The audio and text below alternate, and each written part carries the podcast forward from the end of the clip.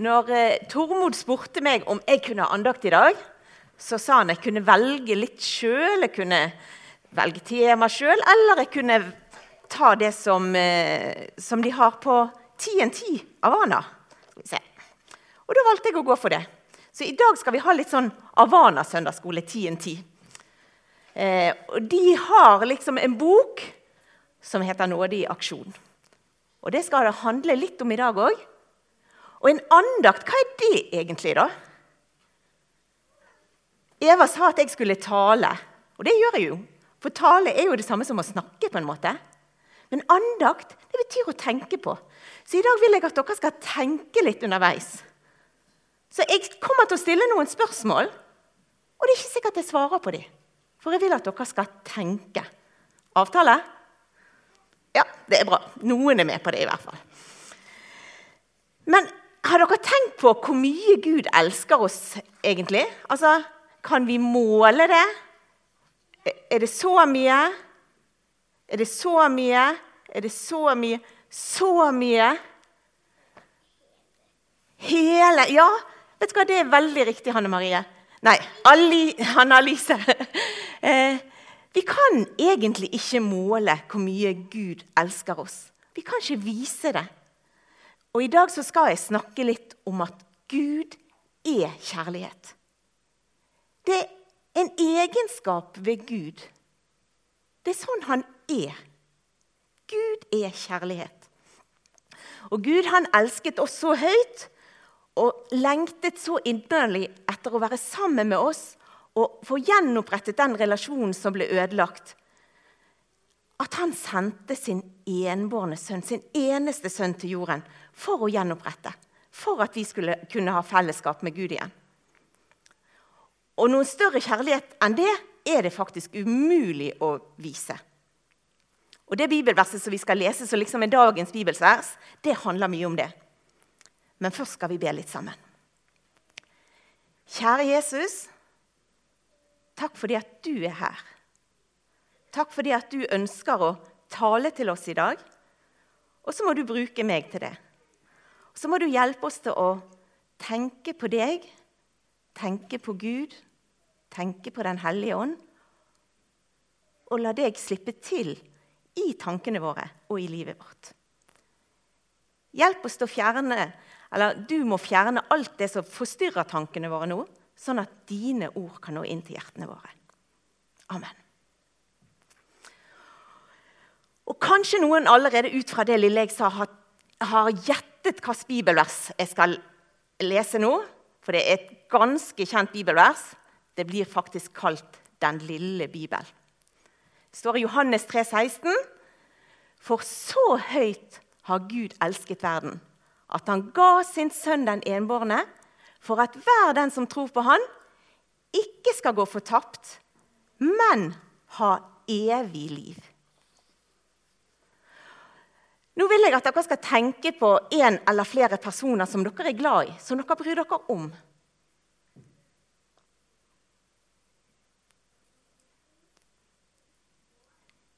Hva betyr det egentlig å være glad i en person? Er det forskjell på å elske en person og å elske sjokolade eller favorittspillet ditt eller en film eller en ting? Jeg tror det er litt forskjell, ja tror det er ganske stor forskjell, selv om vi bruker de samme ordene. Så nå skal du igjen tenke på de personene eller den personen som du tenkte på i sted. Hvorfor er du glad i dem? Hva er det som gjør det? Er det fordi de er så søte, så flinke, så tøffe? Eller er det fordi de er kjekke å være sammen med? Er det fordi de er i familien din, at de viser at de bryr seg om deg? Og at du bare kjenner at du bryr deg om dem? Eller at du bare har bestemt deg for at de vil jeg like? Jeg tror det er mye lettere å være glad i mennesker som vi kjenner og vi liker. Og som er glad i oss tilbake igjen òg. For det er mye vanskeligere å være glad i de som er dumme mot oss, de som er slemme mot oss. Men det er ikke umulig. Da må vi bestemme oss for det. Eh, når en er ung og forelsket, eller i hvert fall når jeg var ung og forelsket, så pleide vi ofte å tegne hjerter på pennalet vårt. og på, Noen gjorde det til og med på pulten sin, og så skrev de bokstavene på de de var forelsket i. Og kanskje inni hånden sin og laget de et sånt lite hjerte, og så skrev de navnet. Og så var, de, var det litt sånn pinlig å vise det. Eh, vet du hva? Jeg tenker at kanskje Gud har et sånt hjerte. Og vet dere hvem sitt navn som står inni det hjertet? Ja, alle sitt. Der står Hanna Elise. Der står mitt navn. Der står alle sitt navn. Tenk på det, ditt navn står der i Guds hjerte. Og hvis Gud hadde hatt mobiltelefon, så tror jeg han hadde hatt bilde av deg som, som, bakgrunnsskjerm. Sånn at han hadde sett på deg hver gang han tok telefonen. Eller kanskje han hadde hengt deg opp på kjøleskapet. Bilde av deg opp på kjøleskapet. For det gjør vi ofte med ting som, som vi bryr oss om, eller personer som vi bryr oss om. Men hvordan kan vi vise kjærlighet til andre mennesker, da? Tenk litt på det. Hva kan vi gjøre for andre for at de skal skjønne at vi er glad i oss? Her er noen eksempler. Her er fem forskjellige eksempler. Vi kan Har du lyst til å eh, si noe, Anna-Lise? Si noe snilt! Det er faktisk en av disse tingene. Gi anerkjennende ord. Bruke ordene våre og si noe fint til de, de vi er glad i. Eller vi kan bare bruke tid sammen med dem. Eller vi kan gi dem en klem eller en klapp på skulderen. Eller andre former for fysisk berøring. Vi kan gi dem gaver. Eller vi kan gjøre tjenester for dem. Og disse fem tingene her de er en mann som heter Gary Chapman sagt, eller kalt for de fem kjærlighetsspråkene. Fem måter, forskjellige måter å vise folk at vi er glad i dem. Guds kjærlighet den er overveldende stor. Han ser ikke på oss og ser er hun verd å elske. Er han verd å elske? Har han prestert noe som fortjener min kjærlighet? Nei, Guds kjærlighet er helt og holdent betingelsesløst. Det betyr han elsker oss uansett hva vi har sagt, hva vi har gjort, eller hva vi har tenkt. Spiller ingen rolle. Gud elsker deg uansett. Og Noen ganger så snakker vi kanskje om at Gud elsker oss som en god far. Han har liksom et farshjerte for oss som banker for oss. Gud ønsker å være vår himmelske far. Hvordan tenker dere at en god far skal være? Der kan det hende vi har forskjellige erfaringer med pappaene våre. Men Gud vil være en god far for oss. Nå skal jeg fortelle dere en historie om en kar som heter Ole. Og Han bodde her på Straume. Og Han eh, vokste opp i et fint hjem med en mamma og pappa som var glad i han, og hadde det veldig bra hjemme. Eh, så ble Ole tenåring. Og da syntes han de gamle vennene var litt kjedelige å være med, så han fant seg noen nye venner. Og de vennene de var ikke så bra for Ole å være sammen med. De likte å gå på fest, og han begynte å røyke og drikke alkohol. og brukte alle sparepengene sine på å kjøpe røyk og alkohol. Og foreldrene de visste ingenting. Og så sluttet han etter hvert å komme hjem til mammaen og pappaen sin òg. Han bare hang med kompiser og bodde sammen med de. Og Så begynte han å prøve hasj og narkotika og sånt. Og så hadde han egentlig ikke noe bra liv lenger. Og Ole, han tenkte av og til på mammaen og pappaen sin. Tenkte på hvordan han hadde det. Og en dag så nærmet det seg, jul, og han tenkte Oi, tenk hvordan jeg hadde det hjemme. Det flotte rommet som jeg hadde. Mamma og pappa som var glad i meg. Dyden og sengen min. Jeg må bare ligge inn på en madrass på gulvet, liksom. Og så begynte han å tenke hm, Kanskje jeg skulle sendt en melding til dem Hørte om jeg kunne komme hjem. Nei, det tør jeg ikke. Jeg, De har jo sendt så mange meldinger til meg, og jeg har jo aldri svart. Nå, nå har jeg jo blokket dem på telefonen og på Instagram og Snapchat og alt. Så, nei. Men kanskje jeg kan skrive et brev til dem? Det gjør jeg. Og jeg, jeg vet det at eh, hver kveld når de går og legger seg, så slukker de alle lysene i huset. sånn at det er helt mørkt. Så det Ole skrev til mammaen og, eh, og pappaen sin, det, det, han skrev det at jeg forstår godt at dere ikke ønsker at jeg skal komme hjem igjen etter alt jeg har gjort. Men jeg savner dere. I natt, nei, natt til lørdag så går jeg en tur forbi huset. Og hvis det er et lite lys i vinduet i kjelleren, så vet jeg at jeg kan komme innom en tur. Hvis det er helt mørkt, så vil jeg gå rett forbi. Så sendte han det, og så kom natt til lørdag. Og han kjente at hjertet banket litt ekstra. Han var litt nervøs. Og så nærmet han seg bakken der så de bodde, foreldrene bodde, og så gikk han litt sånn seint, og så kom han rundt svingen. For det var ikke bare ett lys i kjellervinduet. Det var lys i alle vinduer. Og det var lyslenker utenfor. Hele huset var kjempeopplyst. Det var noen som ville vise hvor høyt de elsket han, og hvor mye de savnet han. Tror dere han skjønte det? Ja, han skjønte at han var velkommen hjem igjen. Det står en historie i Bibelen i Lukas 15 som ligner litt på denne historien. Har dere hørt den historien? Det var òg om en gutt som reiste hjemmefra. Han hadde fått med seg masse penger av far sin, forskudd på arv, og så sløste han det vekk. Og så begynte han å tenke hm, Når han hadde det kjempeforferdelig Han hadde ikke nok penger til å kjøpe seg mat engang, så han fikk seg en jobb som grisepasser. Og mens han satt der og passet grisene og spiste av disse skoldene som grisene fikk, så tenkte han Oi, pappaen min har jo mange tjenere.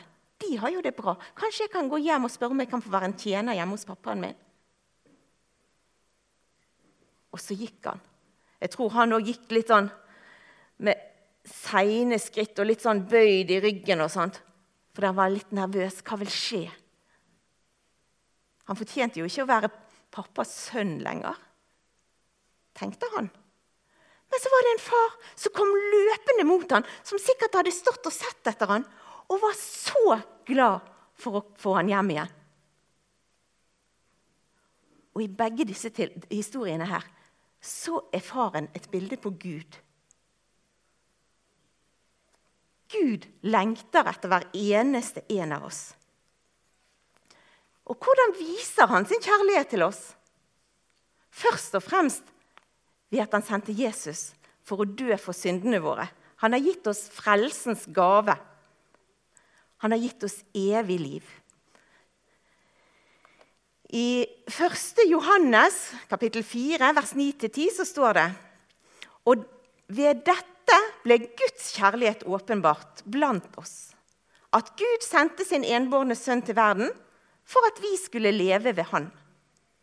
Ja, dette er kjærligheten. Ikke at vi har elsket Gud, men at Han har elsket oss og sendte sin sønn til soning for våre synder. Tipper at mange av dere har hørt mange ganger at Jesus døde på korset for deg. Og det er lett for oss å bare tenke ja, Sånn er det. Det er en selvfølge. Men det er ingen selvfølge. Det er tidenes største kjærlighetsgave. For ingen kan gi noe mer dyrebart enn livet sitt. Og Kanskje hørte dere om han mannen, han Jakob fra Karmøy, som hoppet uti for å redde en åtteåring som holdt på å drukne. Og så døde han sjøl. Han ga livet sitt for en annen. Det gjorde Jesus òg. Han ga livet sitt for oss, for å redde oss. Det var ikke spikrene som holdt Jesus fast på korset. For de kunne han. Han kunne bare stege ned fra korset. Ingenting var umulig for han. Når han kunne gjøre vann til vin og gjøre stormen stille og mette 5000, kanskje 10 000 mennesker. Det hadde ikke vært noe problem for han i det hele tatt å gå ned fra korset. Men det var hans kjærlighet til deg som holdt ham fast. Hva betyr dette for oss, da? På en helt vanlig søndag eller en helt vanlig onsdag eller hvilken som helst dag? Kan vi bruke dette til noe sånn i hverdagen vår? Jeg tror vi alle trenger å erfare at vi er elsket for den vi er. Ikke for hva vi gjør, men for den vi er. Kanskje noen får høre hvis de har, har vært flink. at 'Å, så flink du er, så god du er'. Og det er flott. For vi skal, vi skal, rose hverandre og si positive ting til hverandre. Men det er enda viktigere å si 'Jeg er glad i deg for den du er'. Du betyr så mye for meg. Men tror du dypest inne at du er elsket av Gud akkurat sånn som du er? Det er bra. Jeg fikk en tommel opp. Kjempebra. Og det gjelder alle dere som ikke tok tommel opp òg. For selv om vi vet med hodet at vi er elsket av Gud, og at Gud er fornøyd med deg, så trenger hjertet vårt å bli minnet på disse sannhetene. Og vi glemmer så lett. Vi trenger å minne hverandre på det gang på gang. Vi trenger å fylle oss med Guds sannheter om oss sjøl. Og Gud sier noe utrolig flott om deg. Her er bare noen få utdrag fra Jeremia 31,3.: Med evig kjærlighet har jeg elsket deg. Og første kor 6, vers 20, det står faktisk flere ganger i, i første kor. Dere er kjøpt og prisen betalt. Og 1. Johannes 3,1.: Se hvor stor kjærlighet Far har vist oss. Vi får kalles Guds barn. Ja, vi er det. Vi er Guds barn. Jeg har erfart at ofte lærer vi ting bedre når vi sier det høyt. For eksempel når jeg ledet barnekoret i Betlehem, når vi skulle øve på ting, så var det ofte sånn at jeg sa det først, og så sa barna det etterpå. Har dere øvd på det før? Kanskje noen har gjort det på skolen òg? Eh, og nå vil jeg at dere skal gjenta etter meg. Og så skal du tenke Ja, jeg håper du kan si det med hjertet, ikke bare med munnen. 'Jeg er verdifull'. Jeg er høyt elsket. Jeg er ubetalelig. Du er det. Du er verdifull. Du er høyt elsket. Du er ubetalelig. Men Jesus har betalt prisen. Hvordan kan vi ta imot Guds kjærlighet, da? Hvordan kan du ta imot Guds kjærlighet til deg? Det er rett og slett bare å si ja takk. Så enkelt, og likevel så vanskelig. På samme måte som med Ole i historien som jeg fortalte, og den historien fra Lukas om hans sønnen som hadde rotet seg vekk og kom hjem igjen, så er det opp til deg å velge å komme hjem igjen. Gud står der. Han venter. Han er klar. Han tar imot deg med åpne armer.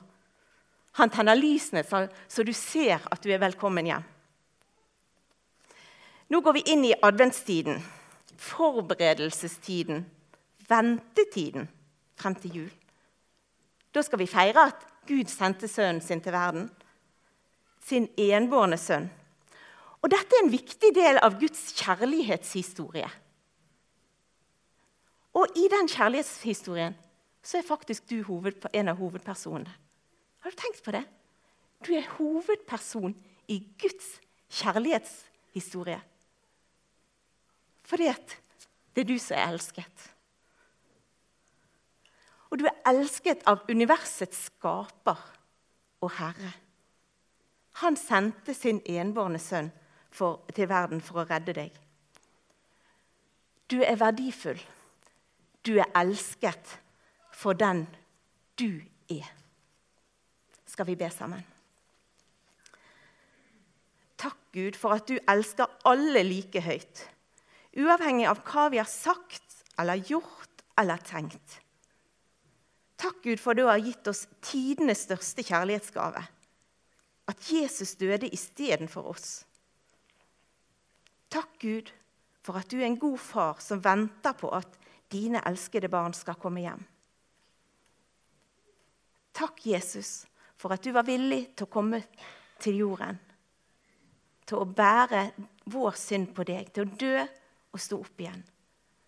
Takk for at det venter et evig liv på oss i himmelen sammen med deg.